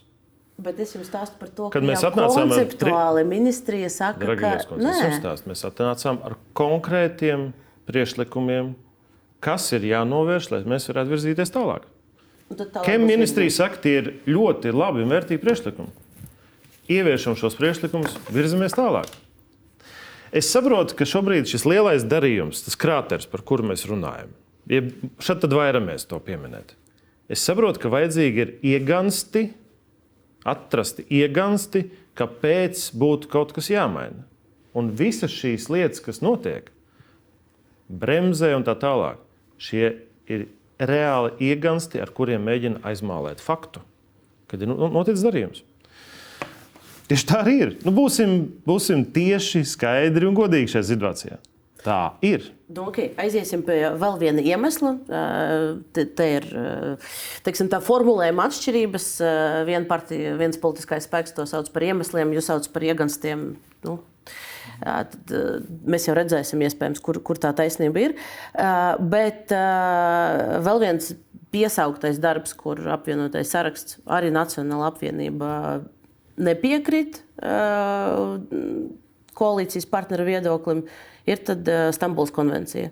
Es gan to gribētu ierāmēt arī kā tādu diezgan praktisku lietu, ne tikai ideoloģisku.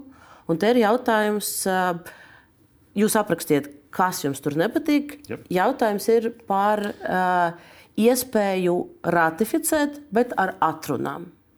Vai šīs ir kaut kas, kas, kas jūsuprāt ir iespējams, kur jūs, jūs būtu gatavi nobalsot? Mēs tieši šo versiju pētījām, jo Es domāju, tā problēma ir tā, ka ļoti daudzi, kas runā par Stambulas konvenciju, un tas ir mans atklājums, es arī tieši jautāju, nav viņi izlasījuši. Un tā ir problēma. Jo, ja tu neesi izlasījis dokumentu, nevari kvalitatīvi par viņu spriest. Ar atrunām jūs būtu gatavs balsot Lūk, par to? Ar atrunām var mēģināt, es izgāju cauri. Ir virkne valstis, Ukraina, Polija, virkne valstis ir pielikušas atrunas. Taču tā bažas ir tā, ka šī konvencija atrunas attiecībā uz šo sākuma kodolu daļu, kurā ir šī problēma trešajā pantā par dzimumu, neparedz, ka tādas nav iespējamas. Un šobrīd sākās diskusijas, un tāpēc ir polijas šī pozīcija. Eh, ir diskusija par to, kad stāties ārā no Stambulas konvencijas, tātad vai nē. Tāpēc, kad apšauba to, ka šīs atrunas vispār būtu ar juridisku spēku. Un ir otra lieta. Konceptuāli Ja mēs kaut ko ratificējam, tam ir tiesiskas sekas. Tas nav papīra gabals, kuru mēs uzliekam autogrāfu saimnes lēmumu, urā, esam pieņēmuši, noliekam plauktā un aizmirstam. No tā rodas tiesiskās sekas. Kādas būtu Latvijas sekas? Sabiedrībā. Tad 99,9% šīs Stambulas konvencijas saturs būtībā ir krimināla likums un citi likumi, kas ir veltīti lai novērstu vardarbību pret sievietēm.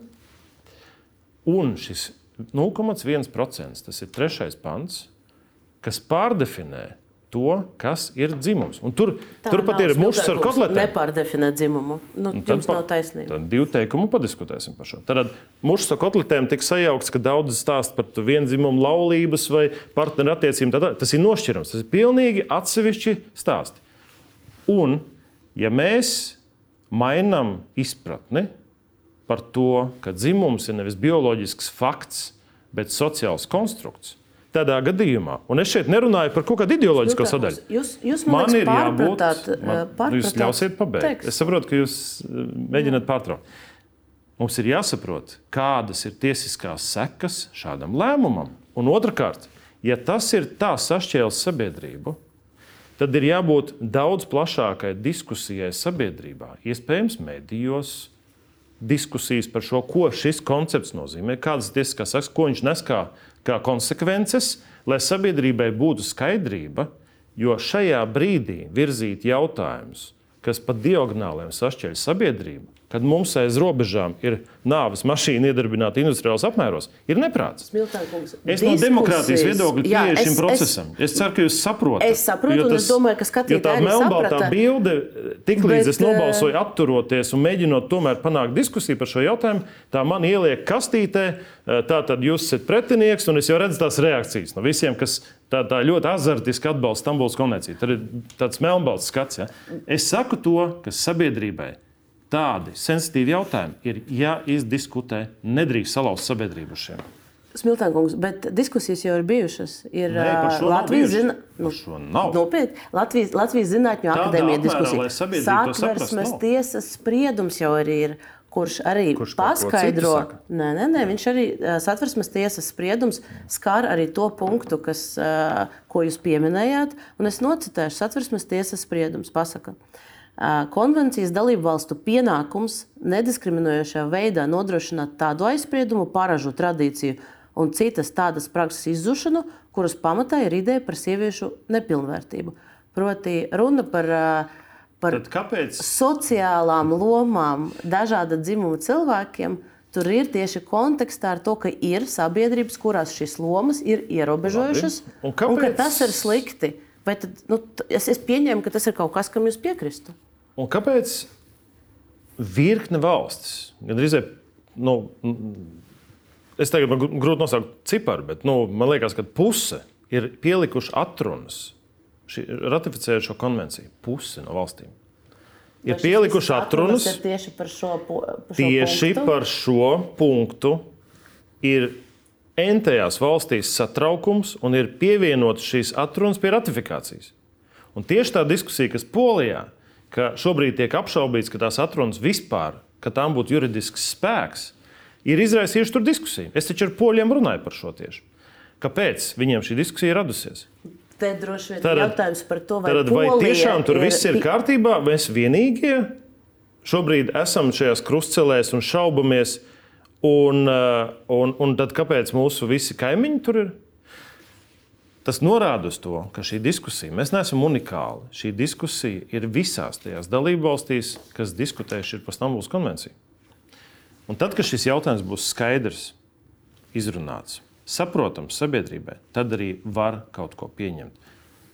Šis nav dzīvības navas jautājums. Es uzdevu savam birojam apkopot. 97% no Stambulas konvencijā minētā ir ieviests nacionālajā likumdošanā. Mēs saskaitījām. Un tāpēc mēs virzījām lēmumu projektu saimā šos divus atlikušos procentus, izņemot šo trešo pantu, uzdot ministra kabinetam pienākumu arī tos ieviest nacionālajā likumdošanā. Tad viss, kas saistīts ar praktisku palīdzību sievietēm, ar vardarbības izskaušanu, kas ir paredzēts Stambulas konvencijā, ir ieviests un pat vairāk. Nu, Tad mēs nerunājam šeit par to, ka pieņemot Stambulas konvenciju, mēs sasniegsim mērķus, novērsīsim vardarbību pret sievietēm. Mēs runājam par to, ka cīņa notiek par šo, ka vajag arī šo trešo pantu par katru cenu ieviest. Ja viņš ir tik nevainīgs, šis trešais pants, tad kāpēc tik ārprātīgi agresīva, asiņaina cīņa par viņu pieņemšanu iet vaļā? Jūs varat šo izskaidrot sabiedrībai?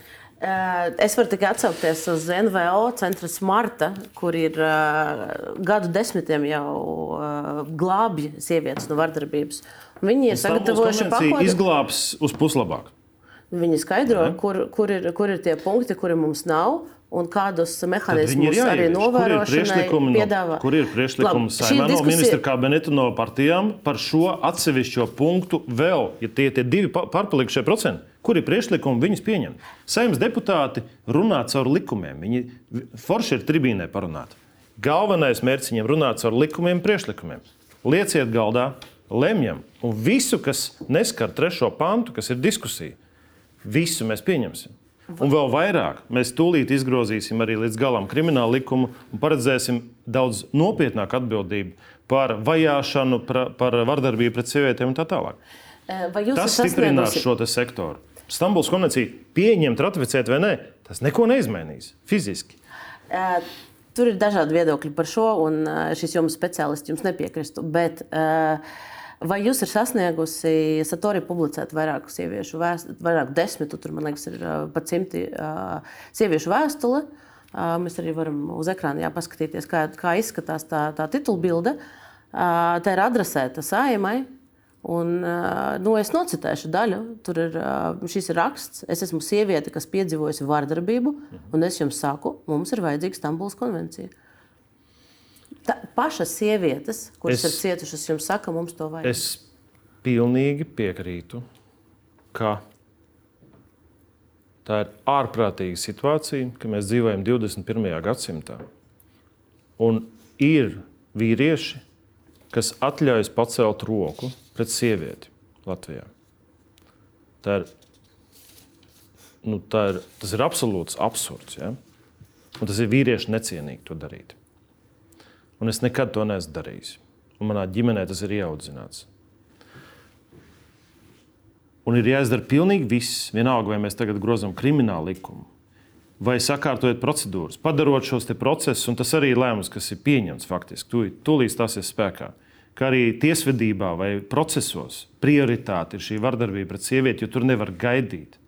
Tas ir tas, šie šāda līmeņa lēmumi būs, būs tas, kas šīm sievietēm palīdzēs novērst. Attieksme valsts policijā tajā brīdī, kad bija skaidrs, kas ir noticis Jēkabpilī, tad šis policijas iecirkņu vadītājs arī tika atstādināts no amata. Ja? Tad viņš atstāja šo amatu. Tas maina attieksmi arī eh, šajās institūcijās. Tas izmainīs un dos lielāku drošības sajūtu sievietēm pret, piedodiet, kretīniem, ja? kas, kas palaiž rokas un, un, un, un ir vardarbīgi. Bet Stambulas konvencija, kur ir par 97% ieviesta. Un šis trešais pāns faktiski vienīgais, par ko ir pēdējā cīņa palikusi. Viņš neizmainīs tieši neko. Jūs... Un pieņemsim, ratificēsim to konvenciju vienā brīdī. Tikai tad jābūt dzelžēnai pārliecībai, ka sabiedrība, ka ir konsenss par tām tiesiskajām sakām un akcepts no sabiedrības, izpratni par dzimumu mainīt no bioloģiska fakta uz sociālo konstrukciju. Satversmes jau pateica, ka ne uz šo šī konvencija neatiecas, bet es jūs gribēju pajautāt, bet pusi, no valstīm, bet pusi no valstīm liek eh, klāt atrunas un uztraucās tieši par šo sadaļu. Bet jūs uzticaties tam citām valstīm vai mūsu satversmes tiesai? Nē, nu es saku, šis nav unikāls gadījums Latvijā. E- Šis ir starptautiski apspriests temats. Smiltēns, jūs atsaucaties uz Poliju šajā, šajā, šajā sarunā. Es gribēju jums pajautāt, vai jūs, ne, ne, es, es, es, uz kaut, ne, ne, citu, ne, es uz kaut ko citu mēģinu aizvest. Vai jūs kopumā sevi uzskatāt par uh, konservatīvu politiķu? Es esmu centrisks politiķis.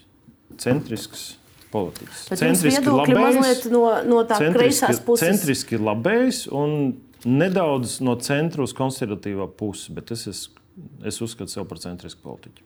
Jūs vienkārši kāpēc es to prasu? Jo, jo tad, kad jūs uh, piedalījāties pie, pie vienotības uh, šūpuļa dibināšanas, tad jūs runājāt, uh, tajā brīdī jūs, jūs nu, atbalstījāt uh, arī vienzimumu pāru tiesības un vienā no lapām, kur bija.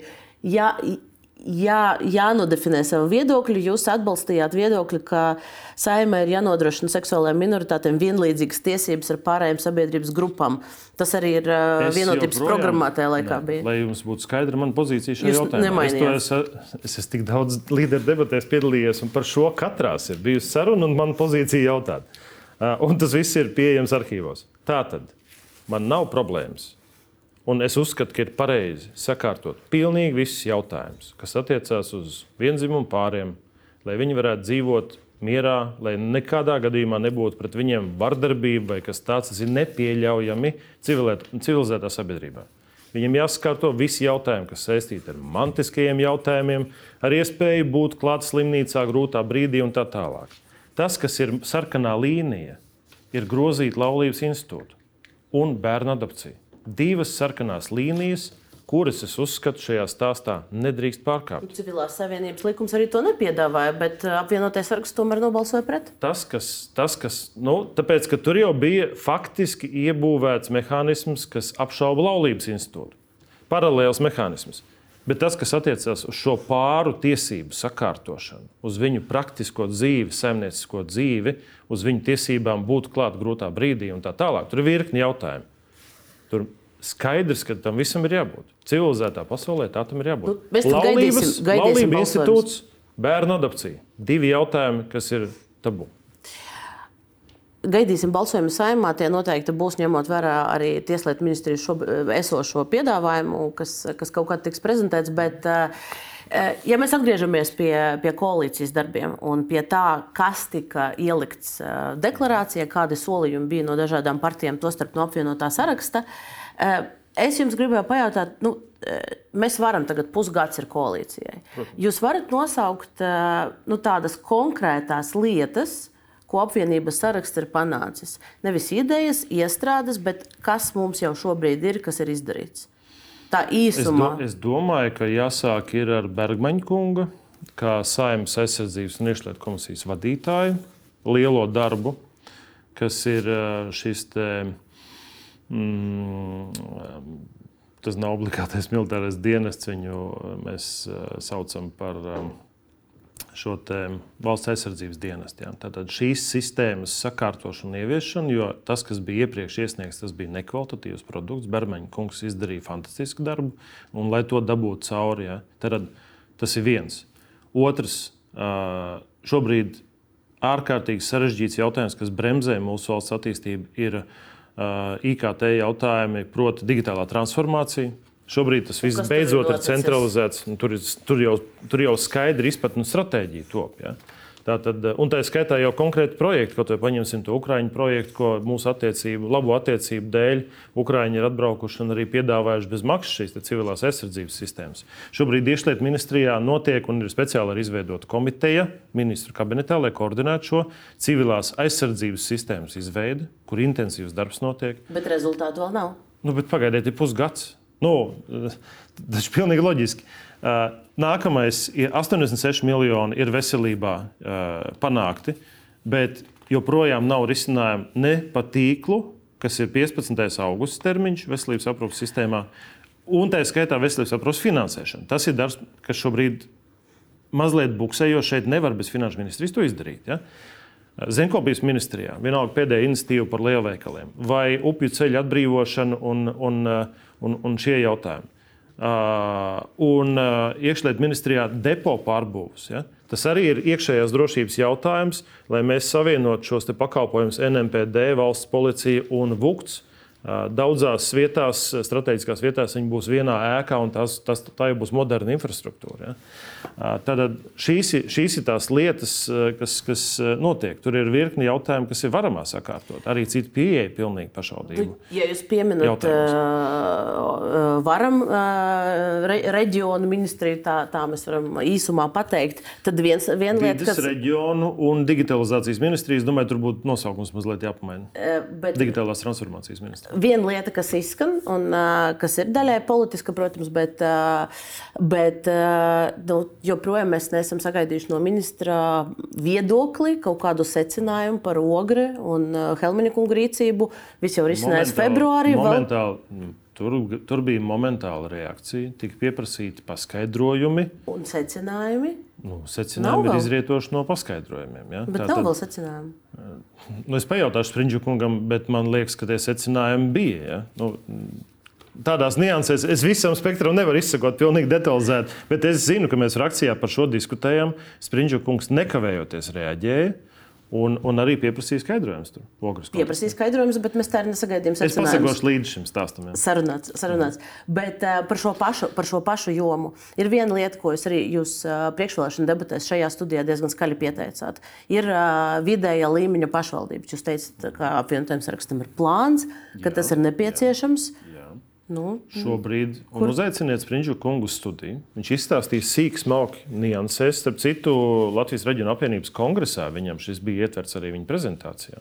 Tur ļoti daudz par to bija cik tālu kas jau ir izdarīts un kas ir nākamie soļi, kas Bet, tiks nu, veikti. Nu, lai stiprinātu reģionus, lai mainītu pieeju, kā mēs gudri investējam šo, šos pašvaldību infrastruktūrai paredzētos līdzekļus, nevis kaut kādās eh, izklaidēs un tā tālāk, bet fokusēt, lai sasniegtu mērķus un nodrošinātu vitāli svarīgos pakalpojumus pašvaldību iedzīvotājiem. Šis viss plāns jau Springļu kungam ir un konkrētas darbības un rīcības.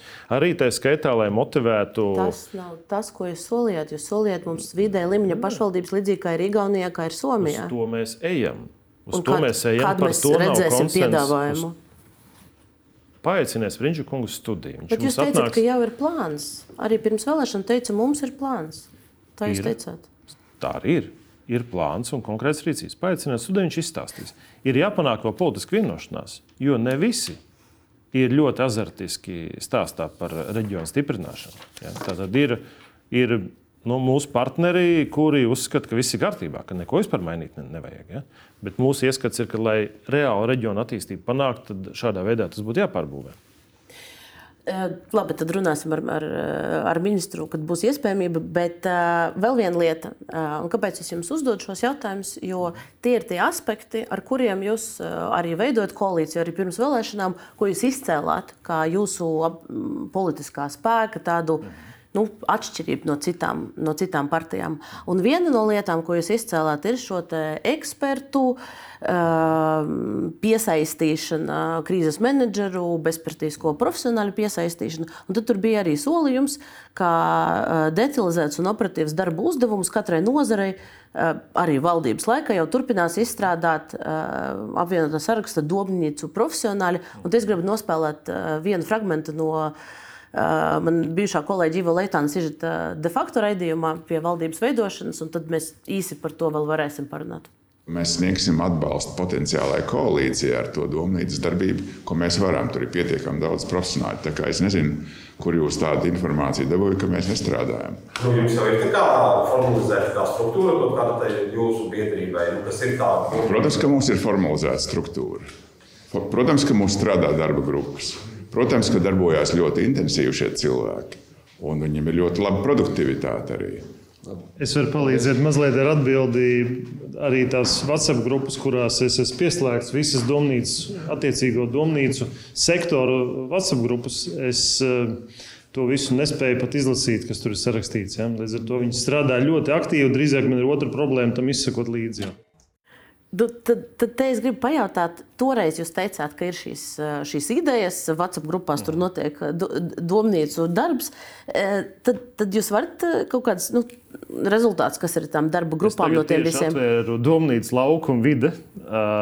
Šobrīd notiek diskusija par robotiem, kas ar, ar lazeriem ravē nezāles. Ja? Bet rezultāti, un, rezultāti. un par to, kā, kā, kā mazināt pesticīdu lietošanu lauksainiecībā. Tad šīs darba grupas strādā. Rezultāti varat minēt, kas, kas, kas ir to, tas, ko mēs varam dabā redzēt tātad, no. Tātad šīs darba grupas strādā. Ja tas ir eh, konkrēti par nozarēm, uzaiciniet Šmitu kungu. Viņš izstāstīs, kā darba grupa, kas saucās uh, Lauki un Vide, uh, kā viņa ir devusi savu pienesumu Zemkopijas ministrijas institīvās. Tur varbūt lielāks, mazāks iniciatīvas, tā skaitā aprēķina par to un kalkulācijas, ko nozīmēs uh, lielveikalu ierobežošana svētdienās un kāda būs ekonomiskie efekti uz mazajiem vidējiem ražotājiem.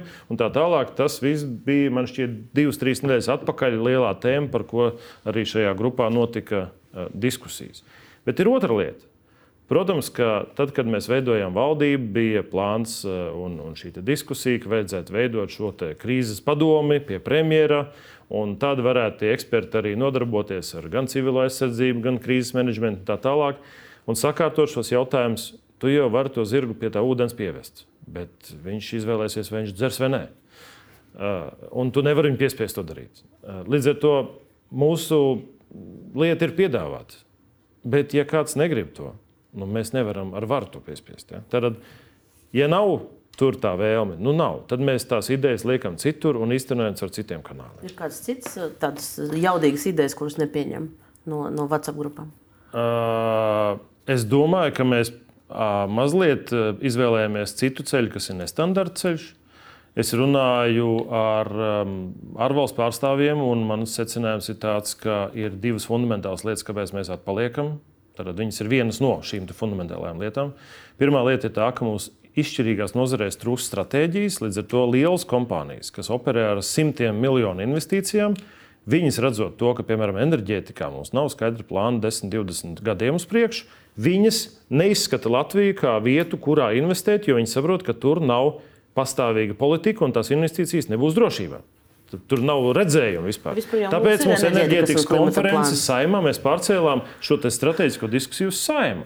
Un otrs ir par banku sektoru, kur ir skaidrs, ja atnāk investori no Ziemeļamerikas, un viņiem gada laikā neatver kontu un Latvija pazaudē 220 miljonus investīcijās. Tas ir, piedodiet, vāks. Es lietošu vienkāršu vārdu. Ir... Tāpēc Tautsēmniecības komisija savā virzienā paņēma šo jautājumu, lai atvērtu diskusiju par šo. Nu, šī gan nebija atbilde uz manu jautājumu, bet, bet mūsu laiks jau sen ir beidzies, tāpēc man, man, man tā ir jāpieņem. Es tikai noslēdzot šo raidījumu, es gribēju uzdot, mēs runājam par, par, par politiskajām spēlēm ap, ap prezidenta vēlēšanām, par apvienotā saraksta kaut kādiem uzstādījumiem un kā tie ir realizējušies. Bet es gribētu ļoti īsi parunāt par nākotni. Jūs teicat, ka esat, esat gatavi strādāt opozīcijā. Jautājums ir. Es, es teicu, ka mēs darīsim jūs... pilnīgi visu lai turpinātu tās iesāktās lietas, kuras mēs esam sākuši. Mēs esam bijuši līdz galam korekti, neesam nodevuši partnerus un šo koalīcijas līgumu. Un izvēle šobrīd ir jaunās vienotības rokās. Vai pildīt vienu vienošanos, kas noslēgta rudenī, vai pildīt otru vienošanos, kas noslēgta prezidenta vēlēšanu laikā. Tā ir viņa izvēle. Es, un es pabeigšu jautājumu. Bet mēs neteicām tā, kā jūs formulējat. Nu, Tur jā, mēs varēsim noklausīties vēl. Bet um, jautājums ir, vai jūs, jums ir jau plāns, ir, ir nākamie vēlēšana cikli, Eiropas parlamenta vēlēšanas? Ir skaidrs, kurš kandidēs? Pīlēns jau teica, ka nē, intervijā. Pēc... Eiropas parlamenta vēlēšanas mums ir pēc gada pavasarī. Jā. Es domāju, ka diskusiju mēs sāksim par šo jautājumu vasarā, vasaras beigās. Jūs gribētu? Mēs esam. Es neizskatu šādu opciju, tāpēc, ka es esmu ievēlēts Latvijas Republikas saimā. Es šobrīd pildu saimnes priekšsēdētāja pienākumus. Tas postenis, ko es pildu, es to izdaru pēc maksimā, ar maksimālo atdevi, maksimāli kvalitatīvi, lai viss, ko es daru, ir ceļš starptautiski, lai visi Latvija to var lepoties ja, un būt rezultāti. Tas ir mans uzstādījums. Es nedomāju par neko citu. Brīdī, kad es pildu konkrētos pienākumus. Nu, kā pašvaldību vēlēšanas, politiķis pašvaldību... plānojat uz priekšu, es esmu pārliecināts. Šajā gadījumā, šajā gadījumā ir skaidrs. Es profes, visprofesionālāk savu atdevi redzu tieši Latvijas Republikas saimā un nacionālajā politikā. Tas man ir skaidrs. Es esmu politikā kopumā nu, jau 15 gadi, ievēlēts kā ievēlēta amatpersona 13 gadi. Un es skaidri zinu, ka es sevi saredzu politikā vēl 13 gadus, vienalga kādā uh, statusā vai, vai kā citādi, bet tas ir tas, ko es vislabāk saprotu. Un es tur varu attīstīt savu izcilību un kalpot savai valstī. Jautājums, vai, to... jūs, vai jūs kandidēsiet, ja, jū, ja gadījumā jūs vairs nebūsiet saimnes priekšsēdētājs? Jūs jau esat man norakstījuši. Ja Nē, jums ir vienotība, jau no vienotības kāds insights, uh, zināms, kāda iekšējā informācija un tā. Šobrīd es pildu saimnes priekšsēdētāju pienākumus. Es viņus pildīšu ar maksimālā devi un maksimālu kvalitatīvu, cik to es varu izdarīt. Labi, pašvaldību vēlēšanas Rīgā 25. O, gads. Pašvaldību vēlēšanas tā ir mūsu, es domāju, spēcīgākā disciplīna, jo pat pie ļoti limitētiem resursiem un ārpus parlamenta esot, mēs faktiski bijām otrā lielākie Latvijā. Latvijas reģiona apvienība tā ir tāda vizītkarte zināmā mērā. Skaidrs, ka mēs jau gatavojamies patiesībā šodien tam visam. Un tad jums ir plāns, jūs iesiet Latvijas reģionu apvienību kopā ar Nacionālo apvienību vēlreiz tādā mm, pašā komplektā? Tas vēl ir ļoti diskutabls jautājums. Šobrīd ir skaidrs, ka Latvijas reģiona apvienība ir izaugusi jau apvienotā saraksta kontekstā. Šis, šī, šī, šis viss jau ir pilnīgi citā kvalitātē. Un es domāju, ka, ja es varētu izteikt prognozes, tad uz Rīgas vēlēšanām startēs apvienoties saraksts šī apvienība un Nacionāla apvienība zina par šiem jūsu plāniem? Nu, tagad jau zinu, bet. Mums ir bijušas daudz sarunas par šo tēmu, arī tā skaitā ar Aivu Zinteru un Nacionālo apvienību. Bet mēs šobrīd strādājam Rīgas domē kopīgā frakcijā. Bet varētu būt apvien, vienotais saraksts, piemēram, ar, ar apvienoto sarakstu un tad Nacionālo apvienību? Nav izslēgts. Nav arī izslēgts šādu kombināciju. Redzēsim pēc konteksta, kas notiks ar, ar, ar kopējo politisko laukumu Rīgas vēlēšanās. Jo es domāju, ka arī tās kustības, kas šobrīd ir veiktas uh, saimā, tās lielā mērā ir izmainījis trajektorijas daudziem politiskiem spēkiem. Tas, kas notika, tas darījums prezidenta vēlēšanās, tas ir stiprinājis uh, pozīcijas uh, opozīcijas partijām, un šeit es nerunāju par ZZS un progresīviem. Nu, mēs redzējām vakar Rosļikovs mēs redzam, Šlesers. kas tur darās tajā flangā. Uh, un es, nu, būs vēl jāpavēro turpmākās nedēļas. Es domāju, ka priekš tāda Eiroatlantiski noskaņotā bloka, um, patriotiski noskaņotā bloka, es domāju, ka tam visam nodarīt ļoti liels kāda ar to, kas ir noticis šobrīd. Vai tam būs tik uh, ilgspējīgas sekas, ka tas ietekmēs vai izmainīs trajektorijas jau uh, saistībā ar Rīgas vēlēšanām? Jo man ļoti negribētos. Es gāju uz Rīgas vēlēšanām ar vienu mērķi. Faktiski no turienes izsist ārā visu Ušakovu, Ameriku brigādi, lai noslēgtu to desmitgadi, eh, to dekādi, kuras laikā Rīga faktiski tika izlaupīta un pagriezta Krievijas virzienā. Tas bija mans galvenais mērķis. Es tāpēc arī paņēmu ārlietas un metropolu un tā tālāk. Ja tiek pielietas fundamentāls kļūdas, varētu notikt arī tāds drausmīgs pavērsiens, ka šie spēki varētu iegūt daudz lielāku ietekmi nākamajā sasaukumā Rīgas domē. Ja?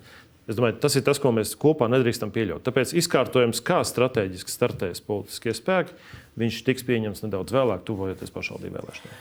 Nu, tad redzēsim, gaidīsim, kā attīstīsies notikumi gan, gan pašvaldību līmenī, gan arī nacionālajā līmenī gaidīsim, kā, kā, kā, kā saliksies visas, visas partiju schēmas vai, vai konsultācijas ap koalīcijas veidošanu vai, vai, vai, šo, vai šīs koalīcijas darba turpināšanu. Paldies, Smiltēnkungs, ka piedalieties šajā raidījumā. Paldies visiem skatītājiem, kas šo pusotru stundu ar mums kopā ir bijuši. Un arī tiem, kas klausījās mūsu podkāstu platformās Apple un Spotify, es atgādināšu, ka esam klausāmi arī tur. Ja nav iespējas noskatīties video formātā, un tad tiekamies nākamnedēļ.